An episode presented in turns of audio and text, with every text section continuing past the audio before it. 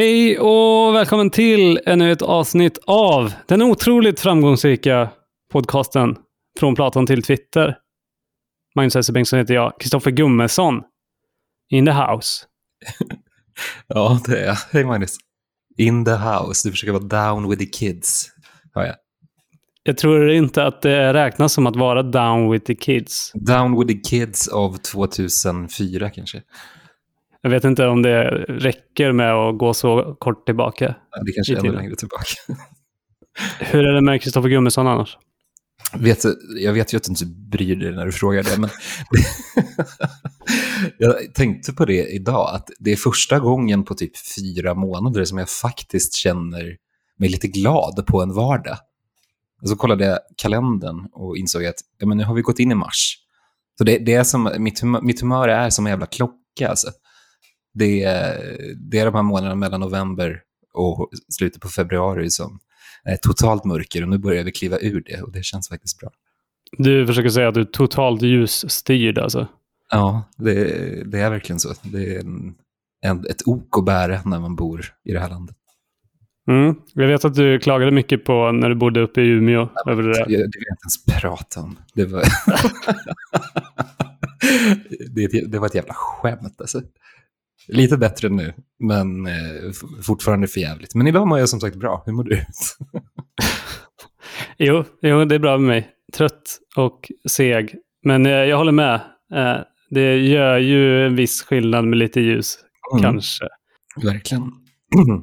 Jag tänkte också, vi, vi kanske ska börja det här med att eh, återkoppla lite. Mhm. För det var, det var ett tag sedan vi spelade in, men i senaste offentliga, eller öppna avsnittet som inte ligger bakom Patreon, där finns för övrigt ett avsnitt eh, som kom efter det senaste offentliga avsnittet.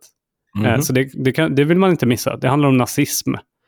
Just det. Eh, ja, och eh, enligt eh, väldigt eh, pålitliga källor ett väldigt bra avsnitt. Ja, min mamma sa det, ja.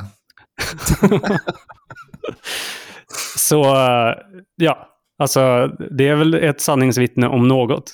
Att det är ett väldigt bra avsnitt. Det det är kul att min mamma är Patreon för övrigt. Hon har liksom hittat ett sätt att fortsätta betala mig veckopeng nu när jag blivit vuxen. Det, ja, precis. Och det säger någonting om dig också.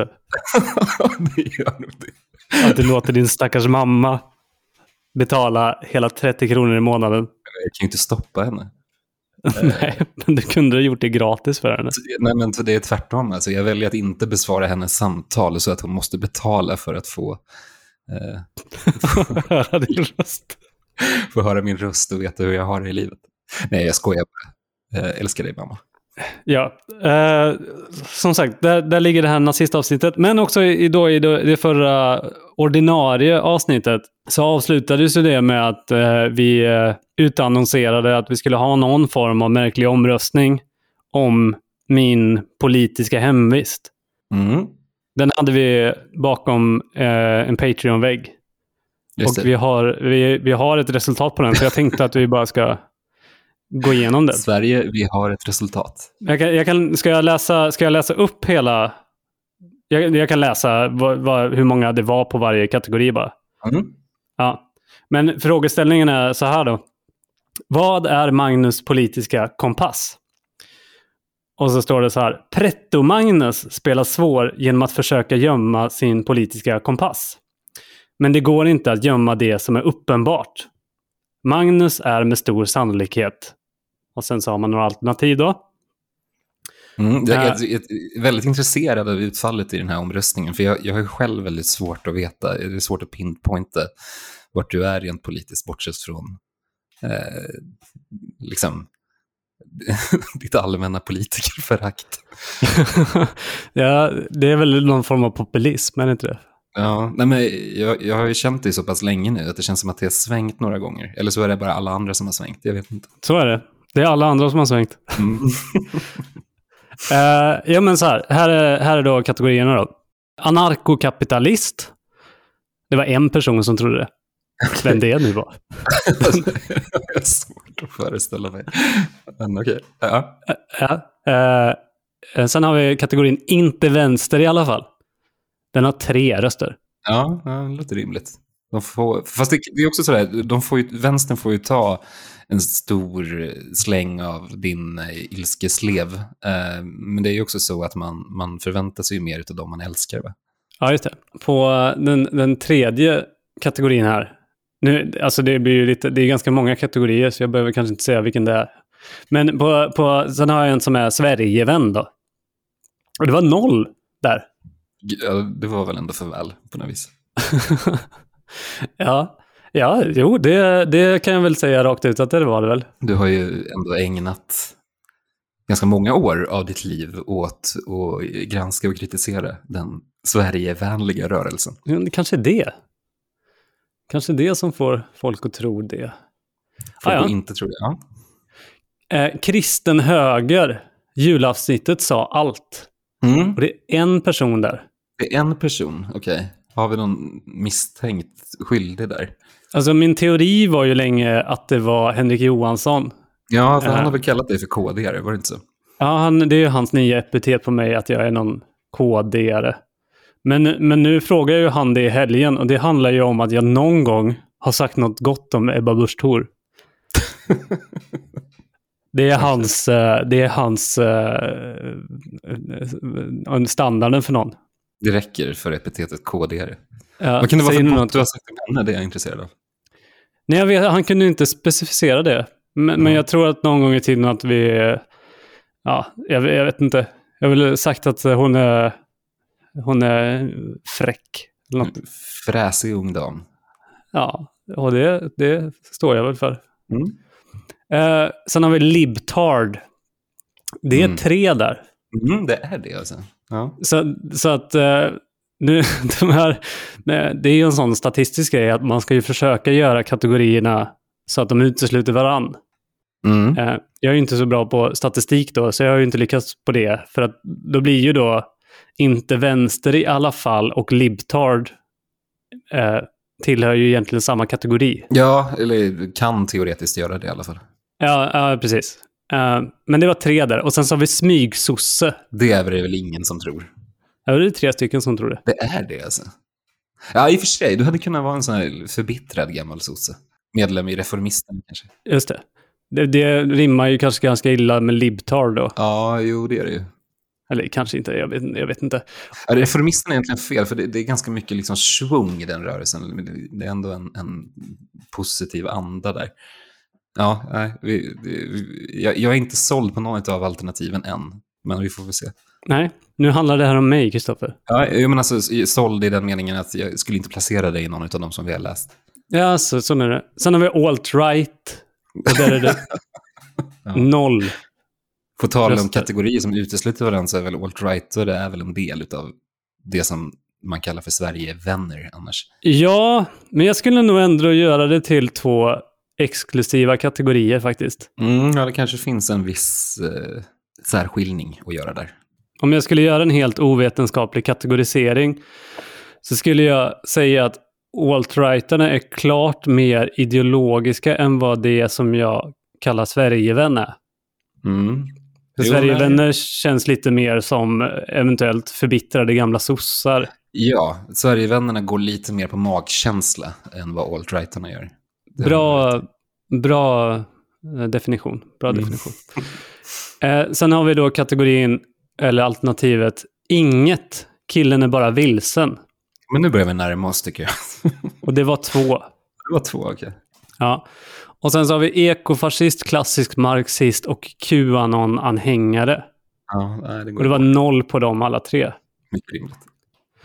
Och sen, jag kan spara den högsta till sist då. Uh, sen har vi woke vänster. Oss lurar du inte. Det hade varit chockerande. Då är det ju ute på någon sån här Wallraff-uppdrag, uppenbarligen. Med anledning av vad? jag vet inte, med tanke på... Uh, jag vet inte, det, det, känns, det känns som att du, du gnäller mycket på woke-vänstern. Det hörde man ju i det här julavsnittet om inte annat. Ja, just det. Men jag vill bara säga att det utesluter inte varann. Att kunna stå upp för god jul hälsningarna och kunna vara woke-vänster samtidigt. Är det inte precis det det gör? och sen så har vi punkt, punkt, punkt. Jag hörde något om Ayan Rand. Och det var en person som lurades av den. Ja, ja, det hade inte varit helt orimligt. Vi hade ju ett eh, studentradioprogram en gång i tiden som hette Och hela världen skälvde. Som är en anspelning på hennes bok som väl heter Världen skälvde, eller Hela världen skälvde. Vad heter den? Och världen skälvde heter den. Just det. Eh, men av copyright-skäl så la vi in ett hela där. Jag... ja, precis. Det var därför vi gjorde det. Ja. Eh, det jag, jag ska ju säga, vi har pratat alldeles för mycket om eh, och nämnt Ayan Rand alldeles för många gånger tror jag. Eh, men jag vill bara säga det att jag eh, tog mig 200 sidor in i den boken. Ja, det är verkligen ingen rolig bok. Det är det inte. Nej, jag tror att den är, den är typ på 1200 sidor eller 1000 sidor eller något sånt där. Och vem fan orkar det? Ja, nej, jag, jag är med dig där. Det Men det är, det är, det är en, en, en bok för alla de som gillar tåg. Så kan man säga. För det var det enda de 200 sidorna, första sidorna handlade om i alla fall. Ja, just det, det är mycket infrastruktur va? Ja, precis. Den här, eh, huvudkaraktären i boken är ju någon kvinna som eh, ägnar sig åt infrastrukturen och tågbolag eller något sånt där. Varför finns det ingen film? Eh, Det, det finns filmer. ja, det är klart det gör. Men de är jättegamla, eller hur? Ja, men jag tror att det kom någon som på 90-talet så. Jaha, Men det var ingen, eh, det var ingen blockbuster så att säga. Nej. Det kan ju ha att göra med, med den vänstervridna Hollywood-eliten att den här liksom stora, episka och världen själv skildringen inte kommer. Det kan vara så. Men nu ska man ju också komma ihåg eh, det här uh, mastodontverket The Bible. ja, fast det är väl ändå en annan sak. De är ju, de är ju djupt kristna, tänker jag ge mig med att säga. Hela bunten där borta, på andra sidan pölen. I Hollywood. Ja. Ah, ja, skitsam. Vi går in. Den, den absolut, den absolut eh, mest eh, klickade kategorin här då. Det är vet inte, men han har uppenbarligen ett liberalt Voltaire-komplex. Ah, den hade jag tagit. Ja, den har nio röster. Ja, med förkrossande majoritet så kan vi slå fast att du lider av ett liberalt Voltaire-komplex. Eh, Ett begrepp som jag faktiskt tar på mig äran för att ha myntat. Alltså rent, eh, rent ärligt så kommer jag faktiskt inte ihåg helt din definition av vad ett liberalt Voltaire-komplex är. Nej, men det är det här, alltså folk som lyssnar på, eller som är djupt fascinerade av typ intellectual dark web och sådana saker. Eh, de lider ju av ett liberalt Voltaire-komplex. Var det din definition av det? Mm. Ja. Men då lider du ju också av ett liberalt Voltaire-komplex. ja, jag är väl kanske, eh, kanske lite, lite i smyg möjligen. jag, jag trodde att problemet med liberalt Voltaire-komplex var något i stil med att eh, ska, alla ska få prata och vi ska prata med alla och vi ska prata om allting. Typ. Ja, men det är det jag menar. Vad kom det intellectual dark web in? Nej, Men inte det hela deras grej? Var det inte därför de eh, bildades, så att säga? Ja, För det, man, ska, okej. man, ska, man ska vara liksom ett forum för eh, alla typer av idéer och här så är det högt i tak och bla bla bla. Alltså den person som fick eh, stå som eh, främsta företrädare för den här, det här begreppet var ju då Aron Flam. Och andra namnkunniga personer är väl Navid Modiri kanske Ja, ja visst. visst. i, i Sverige. Och i USA är det väl han Dave Rubin. Ja, jo, ja gud ja, det kan man, det kan man säga. Eh, grejen med flera av dem som man brukar liksom benämna som att de ingår i the intellectual dark web, som de här Weinstein-bröderna och Sam Harris och eh, Jordan Peterson, det är ju liksom smarta, bildade människor som jag tror har andra föresatser för att delta i debatter än att liksom bara lukta i sin egen armhåla. Men Dave Rubin är ju verkligen så. Det, det är liksom, han, han bara kammar sitt ego när han pratar om ideas. Jag vet inte. Det var en inbyggd förolämpning i det där. Mot dig menar du? Ja. Ja, det var lite på skoj. Ja. Ja, jag får väl ta den. Man får, alltså, man får ju ta det när man är så intellektuell och letar efter svaren. Ja, verkligen. Den självbetitlade filosofen Magnus Ester Bengtsson. Mm.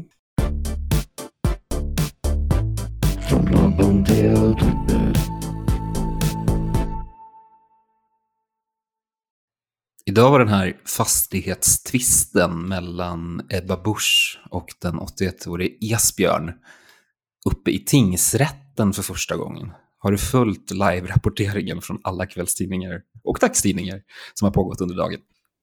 Eh, det har jag faktiskt inte gjort. Däremot Nej. så har jag faktiskt eh, läst mig in mig lite på den frågan idag faktiskt. På den rättsliga frågan, eller? Nej, mer att, eh, att eh, skumma runt i allt som skrivs om den här eh, frågan. Ja, jo, det är väldigt uppmärksammat. Det måste vara kanske det mest mediala fastighetstvistemålet i svensk rättshistoria. Som sagt, jag såg att man live-rapporterade från förhandlingen på alla tidningar i stort sett. Och det här var ju inte ens själva rättegången. Eh, alltså det var en så kallad förberedande förhandling eh, som man ju har i tvistemål som går ut på att klarlägga vilka ingångsvärden parterna har i en rättslig tvist och undersöka möjligheterna till förlikning. Det kommer alltså in dom baserat på de förhandlingarna som skedde idag, utan man har så att säga bara lagt ut spelpjäserna för, för fortsättningen av den här tvisten. Mhm. Det verkar väl tveksamt om det i det här fallet går att nå en förlikning dock. Eh, båda parterna är ju väldigt inställda på att komma ur det här med den här jävla kåken i sin ägo och det verkar fortfarande vara så efter de här förhandlingarna. Så i den mån som de förberedande förhandlingarna var, syftade till att uppnå en förlikning så verkar det inte ha lyckats och det innebär ju att processen fortsätter att dra ut på tiden. Eh, något som eh, verkar skada eller Kristdemokraterna. Eller vad skulle den här, vad, vad, vad skulle man tänka sig, vad går en sån här förlikning ut på? Ja, det, det är det som är problemet, va? i och med att tvistemålet handlar ju om en, ett hus eh, och det går ju inte att dela på huset, så att säga. Eh, jag såg att det förlikningsförslag som Esbjörn och hans ombud hade lagt fram, eller det är väl egentligen Esbjörns släkting, tror jag, som, som är part i målet. Jag är inte säker på det, men eh, eh, de, det, det handlade om att han skulle betala någon slags summa till Ebba Busch. Dels betala för rättegångskostnaderna som Ebba Busch hittills har ådragit sig och dessutom betala då en symbolisk summa för att få behålla huset. Eh, Medan Ebba Busch då ju vill ha kåken. Så det blir ju svårt. Eh, Men, det- eh, men det är ju, ja, okej. Det är ju speciellt ändå att man lägger fram en summa pengar för att komma ur det där. Ja, men det är ju, det är ju så det brukar gå till eh, i tvistemål. När man förhandlar om förlikning. Men vadå, förlåt. Och risken är då att om de förlorar den här rättegången så kommer hon få huset och de kommer att få betala rättegångskostnaderna. Eh, ja, det, det, det, precis. Det blir ju fallet utifall rätten skulle döma till Ebba Buschs fördel. Mm. Så eh, det är klart att man tar en risk när man ger sig in i den här typen av processer. Jag, jag vet inte, jag har en känsla av att Esbjörn hade kunnat få rättegångskostnaderna crowdfundade utifall han väljer att försöka sig på det. Ja, om inte annat med tanke på hur hetsigt, eh, hur hetsig den politiska debatten är just nu. Ja, det känns som att vi har många som står på Esbjörns sida. Åtminstone ganska många. Jag, jag tänkte inte gå in på rätt eller fel i den här liksom, rättsliga diskussionen. Det är ju svårt att, att veta. Eh, det, det, frågan är väl egentligen huruvida Esbjörn vad, var, var liksom tillräknelig vid tiden för avtalsskrivandet. Det verkar vara det som är den springande punkten under de här eh, förhandlingarna och de liksom, bevisen som läggs fram verkar utgå mycket ifrån det. Det är väl den rättsliga frågan. Jag, jag lyssnade på Mm. Lena Melin i förbifarten. Som poängterade att när de skrev om det här, och hon sa att intresset var extremt högt. Vilket också förmodligen förklarar varför de skriver så jävla mycket om det. Men intresset var jättehögt och det var väldigt kluvet i antingen så fick hon extremt mycket på att eh, oj, det här är fruktansvärt för den här gamla stackars mannen. Och sen så, det var ena kanten och den andra sidan var, va? Det här är ju inga problem alls överhuvudtaget. Vilka av läsarreaktionerna att döma då? Ja, enligt henne då. Alltså när hon skrev om det, att det var så tydligt polariserat i rätt och fel. Eh, och, och väldigt så tydliga positioner i, i den här frågan. Det var ganska svart och vitt. Liksom. Ja, det är intressant. Det är intressant, för min spaning var att det verkar vara precis tvärtom. Alltså, och det, det, baseras inte på någonting annat än liksom de samtal som jag för i min vardag med människor. Men jag har fått intrycket av att många verkar ha en liknande inställning till den här affären som folk hade till eh, Stefan Löfvens galler galleriaspring i julas.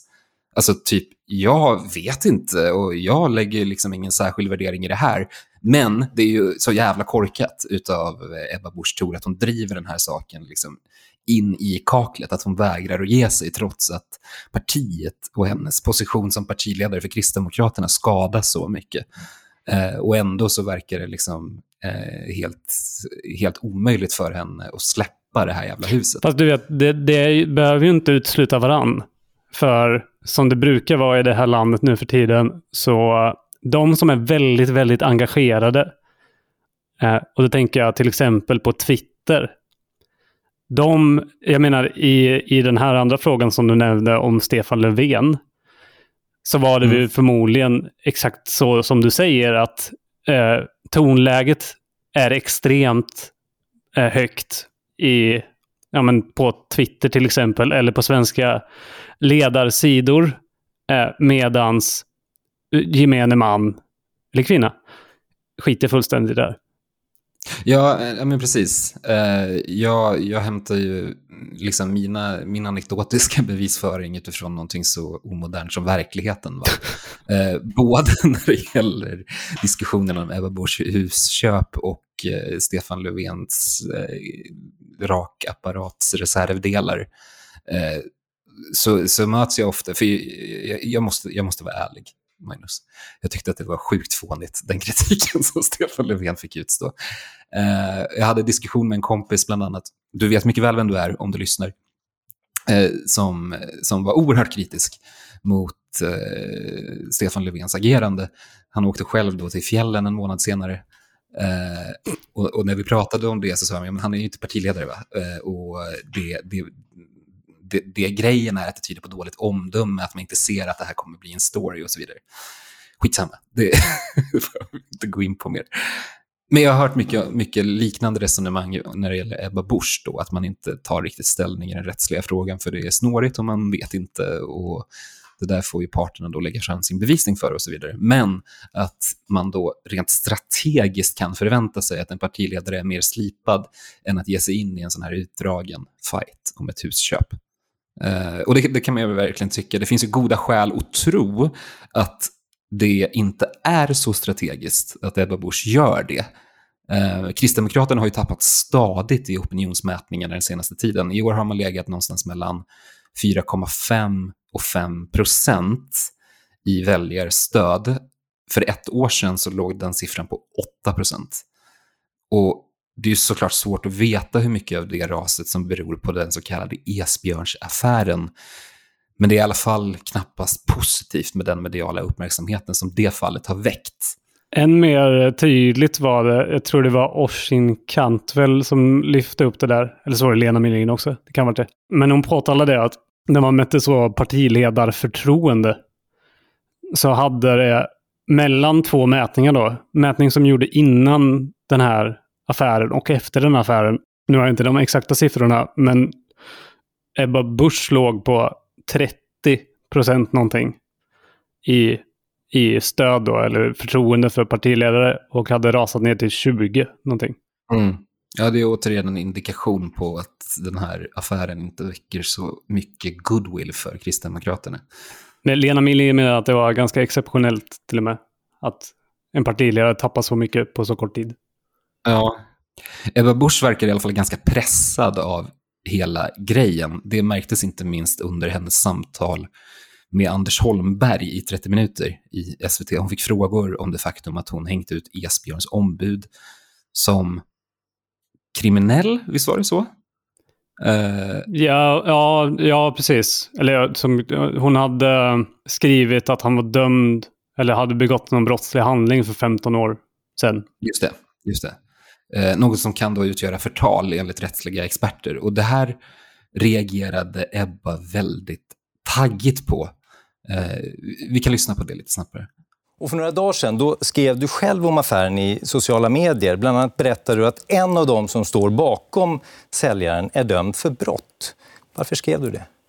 Ja, egentligen så är det ju så att allt jag har att säga i den tvist som är kring det här huset Ehm, det har jag stoppat i det Facebook-inlägget. Så alla svenskar som, som vill förstå bättre varför vi är där vi är, ehm, förstå min sida av eh, saken och hur det här påverkar mig och mina två små barn, eh, de gör bäst i att gå, gå in på min Facebook helt enkelt och, och, läsa det inlägget. För där försöker jag ge en helhet. Jag berättar långt ifrån allt, men jag försöker berätta det som ändå är substantiellt för att man ska förstå varför vi är där vi är. Själva husaffären den lämnar vi till rätten, den har jag ingen uppfattning om överhuvudtaget. Utan jag är mer intresserad av hur du uttryckte det på sociala medier. Mm. Att du eh, pekade ut eller talade om att en av de som är inblandade här eh, hade begått ett brott för rätt många år sedan. Eh, vad, vad, hade det med husaffären att göra? Ja, som sagt, du, du har fått mitt svar på, på den frågan. Och det är att jag tror att det, helheten av det som jag har skrivit ner i det inlägget skapar en, en förståelse och inblick i varför vi är där vi är och varför man, trots att jag i sex månader har försökt nå en möjlighet till förlikning, att man har vägrat att, att mötas och att det finns drivkrafter i det. Drivkrafter som också har handlat om att man aggressivt har hotat mig med att försöka smutskasta mig i media och få media att skriva så pass mycket om det här att jag ska backa ifrån någonting som jag har gjort rätt och riktigt på det bästa sätt som jag, som jag vet ut. Eh, professorn i civilrätt, Mårten Schultz, han skrev igår att risken finns att det här bedöms som förtal och idag eh, väntas också den du anklagar lämna in en polisanmälan om grovt förtal. Hur, mm. hur ser du på det där? Ja, det har ju inte skett. Och jag undrar hur du ser på det faktum att du ställer den frågan till mig med någonting som faktiskt inte har skett.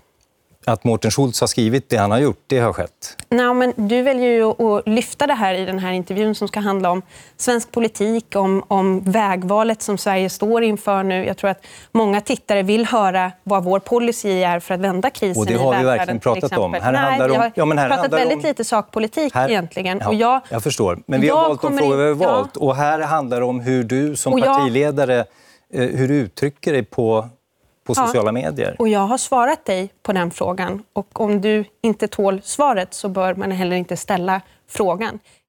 Jag kan förstå att Ebba känner sig pressad, men den här typen av reaktion på fullt rimliga frågor känns ju nästan desperat. Vi pratar ju ändå om en partiledare som av ledande juridiska experter bedöms kan ha begått en brottslig handling. Och det är klart att det är relevant för en journalist att prata om. Eh, jag måste, jag måste säga det, och nu kommer jag väl låta... Nu kommer väl uh, Henrik få sin KD-grej på vatten på sin kvarn. Eh, men jag, jag, tittade på det där klippet förut också. Och det kan vara att jag spolade fram och inte såg hela intervjun sådär. Men Alltså, och jag vet inte om det, det är jag som eh, liksom bara läser in i det, men det, det, alltså det, det kändes lite alltså på ett mänskligt plan, lite jobbigt den delen. Eller jag upplevde det som att hon, hon blev ganska skärrad av den delen. Eller tänkte du på det? Ja, ja faktiskt. Hon verkar, hon blir väldigt, det verkar som att hon blir på något vis förvånad över att det här tas upp. Och det fick mig att tänka att kanske är det så att de på något vis har kommit överens på förhand om att inte prata om det här och att det är därför som hon reagerar så starkt också. Ja, men det är det jag ehm. funderar på om det är så att hon Alltså, det är ju svårt att sitta och spekulera i människors känslor, men antingen är det att hon blir alltså, arg över det. Alltså att det är därför, för, och det där med brasklappen att jag inte såg hela intervjun, men det, det kändes som att hon liksom var lite, i, i, märktes i halsen typ. Eh, ja, men, så, så, ja, så, så, antingen att, att hon vart arg och irriterad på att frågan kom upp, eller att hon blev alltså, alltså pressad för att hon tycker att det är en så extremt jobbig situation. Liksom. Det är möjligt, men hon, det kan ju inte vara förvånande för henne att den frågan dryftas när hon är med i 30 minuter i SVT. Nej, men det är därför jag, det är därför jag, det är därför jag drog det till ett mänskligt plan. Att, så här, att det är liksom psykologiskt jobbigt att få frågor kring den tvisten. Liksom. Ja, ja absolut. Jag tycker, jag tycker det är fint att du lyfter det mänskliga planet. Tänk om du kan göra det för en och annan sosseminister ibland. Uh. Nej, men det är klart att man kan, man kan känna så. Jag, jag, jag tänkte mer på att det, det är märklig reaktion med tanke på att det är en så fullt legitim fråga. Men det som, det som det fick mig att tänka var att kanske har de pratat om innan att inte prata om den här tvisten som hon har med Esbjörn. Och så har SVT då slukt nog kommit runt det genom att istället prata om den här frågan om eventuellt förtal som hon har gjort sig skyldig till på sociala medier enligt juridiska professorer. Mm. Hur som helst, eh, det, det, det, hon känns liksom väldigt pressad och hon känns väldigt desperat. Överhuvudtaget så känns faktiskt hela det kristdemokratiska partiet desperata just nu. Och återigen, jag kan förstå att sjunkande opinionssiffror är skitjobbigt. Tro mig, som gammal sosse vet jag allt om det. Men det Facebook-inlägg som jag läste idag från Kristdemokraterna Stockholms officiella Facebook-sida, det tar fan alla priser alltså. Eh, jag vet inte, jag har inte varit inloggad på Twitter, så att jag vet inte om det har varit en grej där. Kanske så har vi våra liksom, Twitter-aktiva följare som redan vet allt om detta.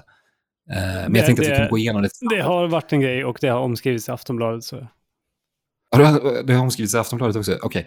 Okay. Eh, Eh, jag får hoppas att det går att stå ut med det här i alla fall. Jag tänkte att vi kunde gå igenom det tillsammans.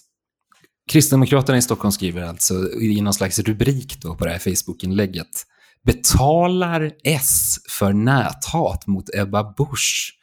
Och så väljer man, eh, som ju brukligt är i politisk kommunikation, att slänga in en liten emoji som ser chockad ut bredvid den här rubriken. Eh, Inlägget börjar då så här. Man vet inte vad man ska tro när man hör sånt. Att Socialdemokraterna gått över till smutskastning som kampanjmetod har man ju hört. Och sen kommer här en radbrytning som är liksom rent språkligt väldigt konstig, men i alla fall.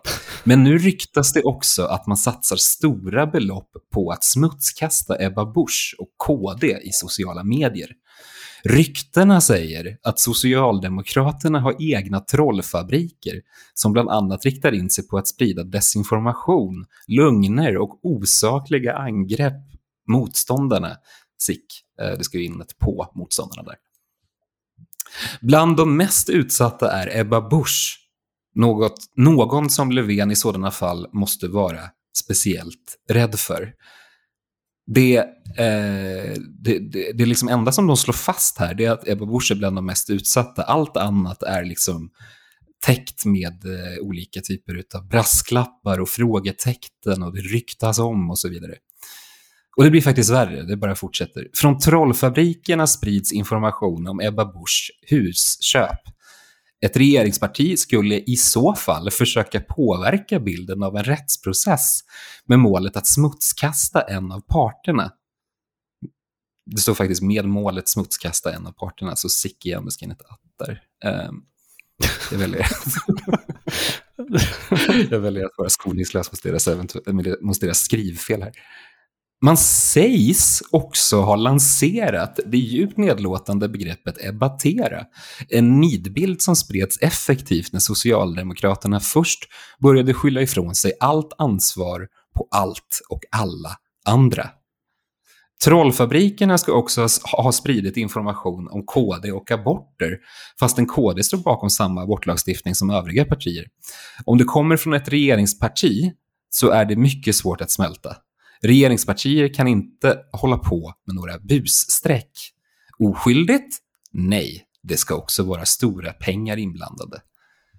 Frågeställningar. Varifrån kommer pengarna? Soros? Nej, det står inte. Uh, vem håller i taktpinnen? Är Löfven ansvarig? Styrs det här från högsta ort? Det kan väl ändå inte vara Socialdemokraterna i Sveriges regering som står bakom? Det, det är ju jag älskar sådana här inlägg som, som bara består i så öppna oskyldiga frågor typ. Ja, det är helt absurt alltså. Det fortsätter. Regeringen? Frågetecken, utropstecken. De skulle ju skydda oss från nättroll, inte slå armkrok med dem. Du kanske struntar i KD, men trollfabrikerna är inte bara ute efter KD. De sägs försöka blanda ihop Moderaterna återigen, de sägs försöka blanda ihop Moderaterna med den misstänkte Palmemördaren. Smeta Donald Trump och SD på allt och alla. Man drar sig inte ens från att smutskasta andra januaripartier som C och L. Allt det här blandas med något seminarium om näthat ibland. Det är inte utan att man tänker på Dr. Jekyll and Mr. Hyde. det är ju, det är ju, alltså, det är ju en spännande, det är en väldigt klassisk taktik ändå. Att plocka lite sådana här, eh, såna här grejer som flyger runt. Lite halv, eller verkliga eller halvverkliga exempel och sen eh, extremt mycket spekulation till det. Jag menar, de, de sista grejerna du nämnde är ju så här uh, riktiga e exempel som, som har varit i och, och figurerat i debatten, liksom. Eller har varit med i, ja men till exempel ja. att smutskasta LOC, uh, eller att man, uh, ja men Donald Trump-grejen har ju vi pratat om. Liksom. Sådär, såna, ja, men... så grejer som flyger runt i debatten som folk kastar på varandra och sen så bakar du in det då med eh, eh, någon konspirationsteori. Ja, men precis. Alltså, det, det, är klart att det är en klassisk taktik, men jag tycker ändå att man brukar försöka göra det lite mer subtilt. Att man ändå har liksom i merparten av texten så kan man lä lägga fram liksom säkert vinklade men åtminstone liksom hyfsat försvarbara faktum. Liksom. Eh, men, men det här, det måste vara den mest oseriösa kommunikationen jag någonsin läst från ett politiskt parti i Sverige. Ja, jag men, vänta, men, vänta nu, vänta nu. Jag vill bara påpeka det. Det här är ju i paritet med den här äh, notoriska och ökända SD Burlöv, om du minns det. Ja. SD Burlöv som eh, på sin hemsida hade lagt till någon... Man, Sverigedemokraterna har, har ju haft standardiserade hemsidor för... Jag vet inte om andra partier har det också förmodligen. Men eh, standardiserade hemsidor för alla lokalföreningar som ser exakt likadana ut. Sådär. Av någon anledning ja. då så hade man petat in en extra flik eh, bland kategorierna. För då, då har de flesta sverigedemokratiska sidor så här, vår politik och så här, senaste eller någonting i kommunen. Men då hade de också petat in en som hette Islam på den här hemsidan. Där de då eh, blandade sådana här grejer som flög runt i debatten.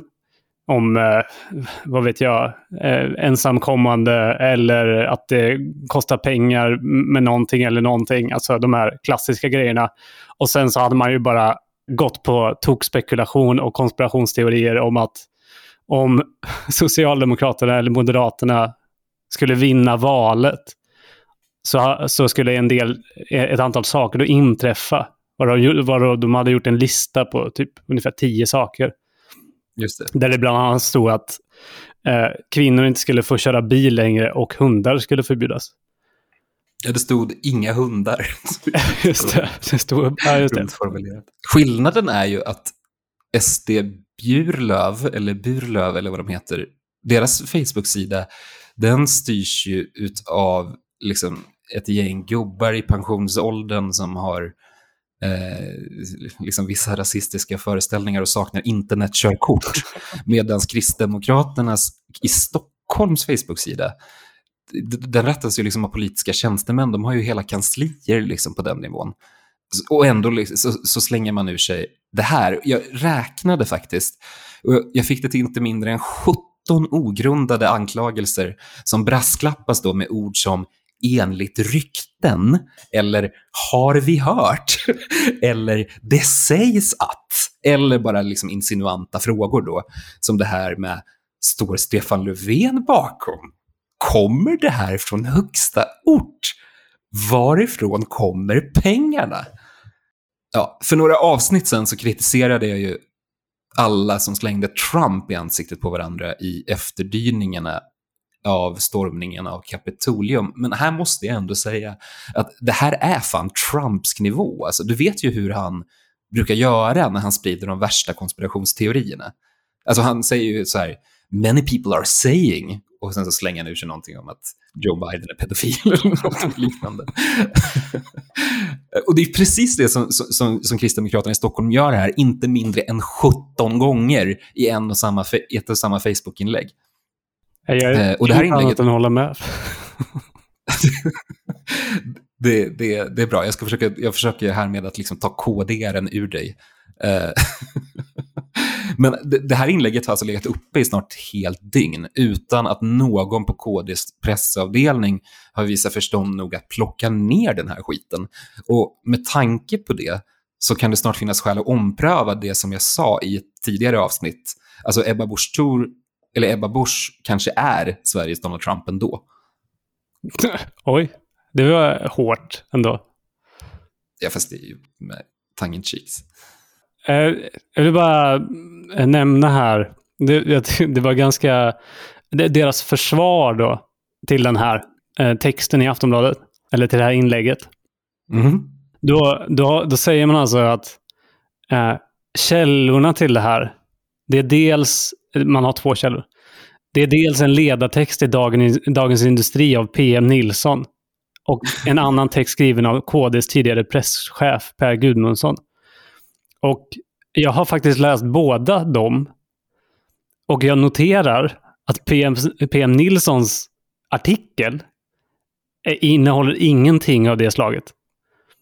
Alltså, Nej, att, av, av de här påståendena om, om trollfabriker. Så, PM, PM Nilssons, det, det, är någon, någon ledartext eller debattinlägg, eller vad det nu är, på Dagens Industri. Och den driver ju då den här tesen om eh, alltså, eh, smutskastning i den politiska rörelsen. Liksom. Ja, nej, men det, där, det där är liksom som någon slags eh, nästan granskning Sverige-strategi. Att man liksom plockar upp små bits and pieces av information här och där. Och så spinner man vidare och gör ett slags större narrativ av det som liksom i hög utsträckning är ett rent fantasifoster. Men i och med att du liksom har hittat någon källa som liksom antyder någonting i liksom samma riktning som du påstår, så kan man säga att man har belagt skiten med, med källor. Ja, exakt. Eh, Men det är ju det, är det som är poängen, de här, den här, vad ska man säga, hophafsade krishanteringen när Aftonbladet ringer. Att man kastar fram den här P. Nilsson-artikeln som inte har någonting med det här att göra överhuvudtaget. Och, och jag har även läst, jag, jag, tror att de refererar till den här Bulletin-artikeln som, som handlade om att, att det var två social, eller ja, det var två Facebookgrupper som hade startats av bland annat Tiden och någon mer sån eh, tankesmedja. Eh, mm. där, man, där man pushar ut politisk reklam. Eh, som alltså, å, återigen, det, det hade ju liksom inget med, med trollkonton att göra eftersom tiden själva står uttryckligen att det är de som är avsändare av eh, Facebook-kanalen. Däremot, ja, däremot, däremot kan vi ju påpeka att ja, absolut, det var ju, det var ju liksom smutskastningsannonser som lyftes upp. Men det är ju inte samma sak, så att säga, som ja, eller, det handlar om trollkonton. Ja, precis. Det, smutskastningskampanjer eller liksom negativ campaigning. Men så det tråkiga faktumet är att det ägnas, ägnas sig ju faktiskt alla politiska partier åt nu för tiden. Men utifrån det då så formulerar man frågor som betalar S för näthat mot Ebba Busch? Frågetecken. Och sen så har man liksom inte omdömet nog att läsa igenom den här texten och upptäcka att det står ordet det ryktas om, eller orden det ryktas om, och det sägs att, och jag har hört, och eh, min, röster i mitt huvud säger mig att att det förhåller sig på det här viset. Att man inte har liksom förstånd nog att läsa igenom det här och tänka att okej, okay, vi har lite för många sådana såna formuleringar i den här texten. Vi kanske behöver rensa ut eh, några av de, de mest flagranta exemplen. Ja, jag tyckte det var roligt. Uh, kan, vi inte, kan vi inte bara avsluta det här med en uh, Aftonbladet-text Jo. om den här storyn? Mm, mm. Inte om själva uh, KD trollkampanj-storyn, utan Ebba Busch-storyn. Mm. Och jag vet inte, alltså, äh, vi får väl avgöra det sen i och för sig, men jag tycker att den här uh, krönikan då är så jävla dum. Mhm. det är bra. Vi behöver väga upp eh, det här avsnittet med lite sossekritik också. Det är ingen sossekritik i sig, utan det är bara att det är en korkad krönika. Ja, Eh. I den meningen, alltså, eller i, i det avseendet som Aftonbladet är socialdemokratiskt i alla fall. Jag gissar ju på, alltså, det, det, jag tycker att det är ganska fascinerande i den här storyn som man ändå väl får säga också. Jag förstår ju varför både Expressen och Aftonbladet pumpar den här storyn. Alltså, det, det, det är klart, från början har det, det har ju nyhetsvärde i sig att en, eh, en parti, partiledare är inblandad i en sån här grej. Men det går ju inte heller att komma ifrån att det är ett väldigt bra sätt att sälja lösnummer eller få klick genom att bränna så mycket man kan på en sån här story. Eh, Mm. och och eh, sen, sen d- den här grejen med att i den här frågan då, alla de som, liksom, som du sa i början, försöker säga eller det är väldigt många ledarskribenter som, som ska kommentera och, och försöker få det till att ja, det här är ju dåligt för opinionen. Alltså, vi, vi tar ingen ställning i själva frågan, för den är invecklad sådär. Men vi vill bara säga att den är dålig för Kristdemokraterna. Men liksom bortser från tanken i Aftonbladet då att, ja fast ni pressar ju ganska hårt för att bygga den här storyn. Så att den ska Ja, framstå som dålig. Och sen så, nej, men vi försöker bara prata om hur dåligt det här kan vara. Det Ja, ja. låter lite skenheligt kanske från Aftonbladets sida. Kanske också bygger upp hela det här narrativet av att den här äh, stackars 81-åriga pensionären mot den här Ebba Busch Thor-grejen. Och Ovidkommande då om ansvarsfrågan och, och vad, vad det handlar om. Det är Men- ju en otroligt bra dramaturgi i liksom grundstoryn i detta.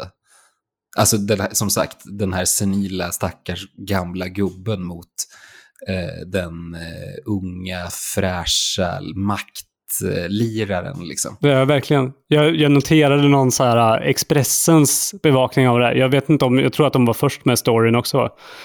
Ja, det är möjligt. Jag tänker att när kvällspressen fick nys om det här, då måste jag trott att det var för bra för att vara sant. Och särskilt då när de åker ut till Esbjörn för att göra ett reportage med honom och liksom ser att han passar ju den perfekta sinnebilden av hur man vill att en, en eh, gubbe som blir blåst av en maktlirare ska se ut. Ja, men verkligen. Då måste jag få så här jackpot-känslor. Ja, men det, det, precis, det var det jag var inne på. att När man tittar på Expressens eh, så, videos och intervjuer och, så där, och bilder. Då är det, alltså, precis som du säger, det är ju, det är kvälls, kvällspressen får ju, det är ju så nära så skvallerjournalistik du kan komma. Att så här, Mm. det här är en saftig story. Och då har de, jag såg bland annat en bild på Expressen. För det är ju en grej i den här storyn då att Ebba Busch har, man har avverkat träd på något sätt. Och då hade de en bild med, en, med en nerhuggen liten så här, du vet, minigran. som låg ner. Och sen så har de ställt den här äh, skruppliga gubben så att han står lite så hukad och liksom eh, i, i bak i bild och tittar på den här, äh, den här granen som ligger ner. Oh, wow. Och, och det är verkligen... Man kan Fanns bara, totalminus med om att det var hans eh, älskade gamla mamma som hade planterat det här granen. Ja, men det, ja, det var, jag, alltså, jag tror att det var en bildtext till så här att ja, alltså, hur, hur eh, fruktansvärt det var när Esbjörn förstod vad Ebba hade gjort. Typ. och så var som sagt, eh, återigen, jag, jag lägger mig inte i storyn i sig. Jag vill bara påpeka det, att eh, den här eh, journalistiken då eh, måste ju rulla sig i sin egen ja, du vet, var, de har stageat en bil. Kan inte du stå där? och tittar på den här granen som ligger ner avbruten. Ja, nej. De är, de är skickliga. Ja, men jag, den, här, eh, den här artikeln då, som handlar om, eh, den är, den är skriven igår, den spelas in på en tisdag. Så igår måndag då skrevs den här artikeln och den handlar om att den här rättegången då kommer dra igång. Eller inte rättegången då, utan den här förhandlingen kallar man det va? Sa du? Mm. Ja, det, precis. Ah, ja. Förberedande förhandling. Och då är det lite så äh, bakgrundsinformation så här, om den här kognitiv funktionshindrad grejen och sådär. Och jag hoppar rakt in i den här artikeln då. Och då konstaterar då krönikören Lina Stigenberg så här.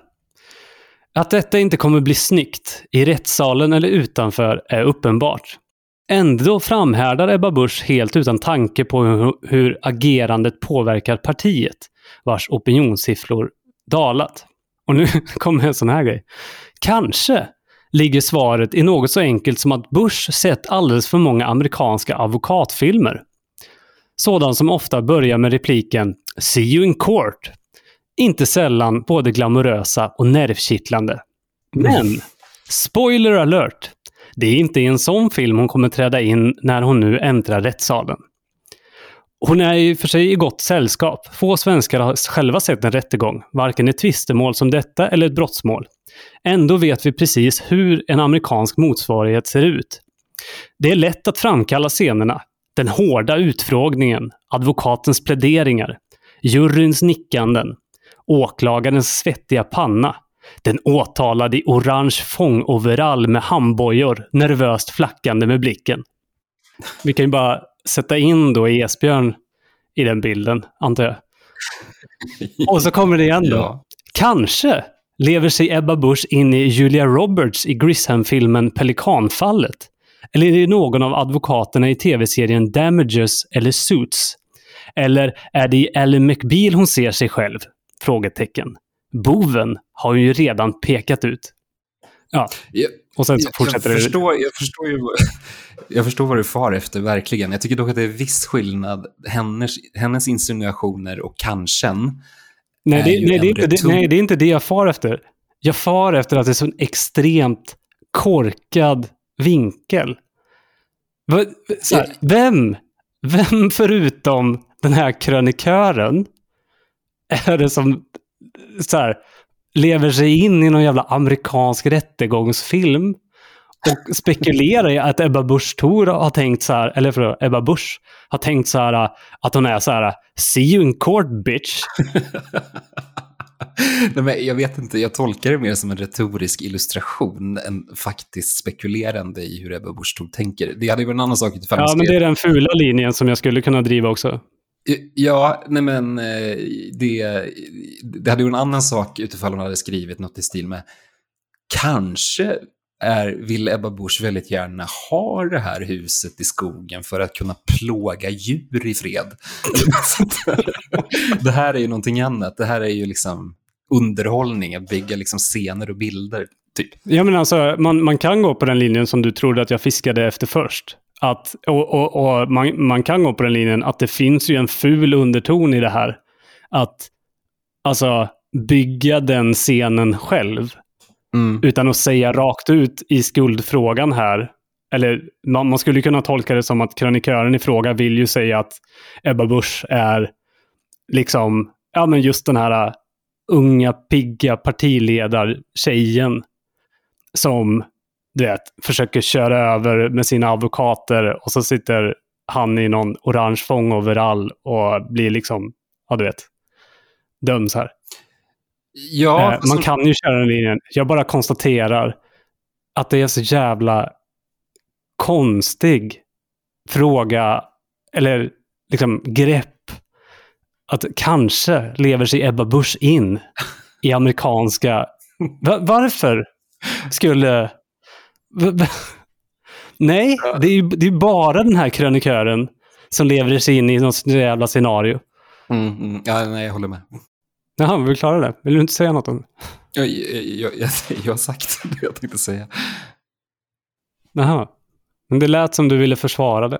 Nej, eller det, det jag försvarar var att eh, det, eh, det, det det är en, det är en fånig retorisk figur, men det är ju också eh, någonting annat än att hon på riktigt försöker misstänkliggöra Ebba Busch för att liksom eh, gå runt och ha någon slags märklig Aaron Bronkovich-bild av sig själv. Alltså det, det, det är ju, som jag sa, en retorisk figur.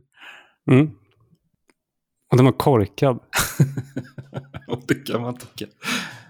Och jag, jag, vill bara säga det för the record också, att jag, jag gör eh, inget som helst samband mellan den här eh, kanske-grejen och KDs kanske-grej som du lyfte upp mm. eh, förut. Helt oberoende av varandra.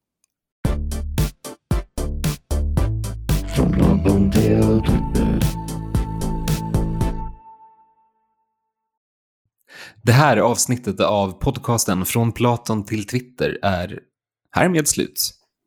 Just det. Och eh, vi vill bara påminna alla om att det finns Facebook, Twitter, Instagram och Patreon. Det gör det. Som man kan hitta grejer på. Följ oss gärna där. Eh, Magnus är liksom ivrig på att lägga ut bra content i våra sociala medier. jag vet inte om jag är så bra på att lägga ut ja, Du är bättre än vad jag är i alla fall. Ja, så, så kan det nog vara. Så kan det vara. Ska vi avsluta med att lyfta den här uh, Ebba Busch-frågan om vems, uh, vem som har rätt? Vi kanske kan lägga in uh, en omröstning på vår Patreon. Tror du säga, om... att Esbjörn ljuger? Kan det vara frågan? Tror du att Esbjörn ljuger eller att Ebba Busch har rätt? ja. Ja, men så, så, så, gör vi. Eh, vill ni ta del av den diskussionen och omröstningen så får ni väl se till att bli en av våra Patreons. Som jag, som jag sa, alltså jag, jag ber om ursäkt för att eh, det ibland blir lite konstiga sådana statistiska undersökningar. Men jag sa förut också, jag kan, jag, jag kan inte sånt. Så därför kan kategorierna bli sådär. Mm. Eh, men eh, logga in på www.patreon.com va? och sök på Från Platon till Twitter så kan ni ta del av detta guld till bonusmaterial som omröstningar och, och annat trams. Man, eh, man kan ju också gå igenom, man kan gå igenom Instagram. Så man går till Från Platon till Twitter, så går man till Instagram och sen så går man upp i beskrivningen och där finns det en sån länksamling som man kommer direkt till Patreon också. Kan man också göra. Just det. Om man, jag vet inte om det blir en längre väg än att bara skriva in från Platon till Twitter i sin webbläsare. Nej, det får, det får våra kära lyssnare avgöra. På egen hand. Eh, vi är tillbaka i era öron och era hjärtan inom kort. Men för nu tackar vi för oss. Så hörs vi snart igen. Tack för att ni har lyssnat. Hej då! Hej då!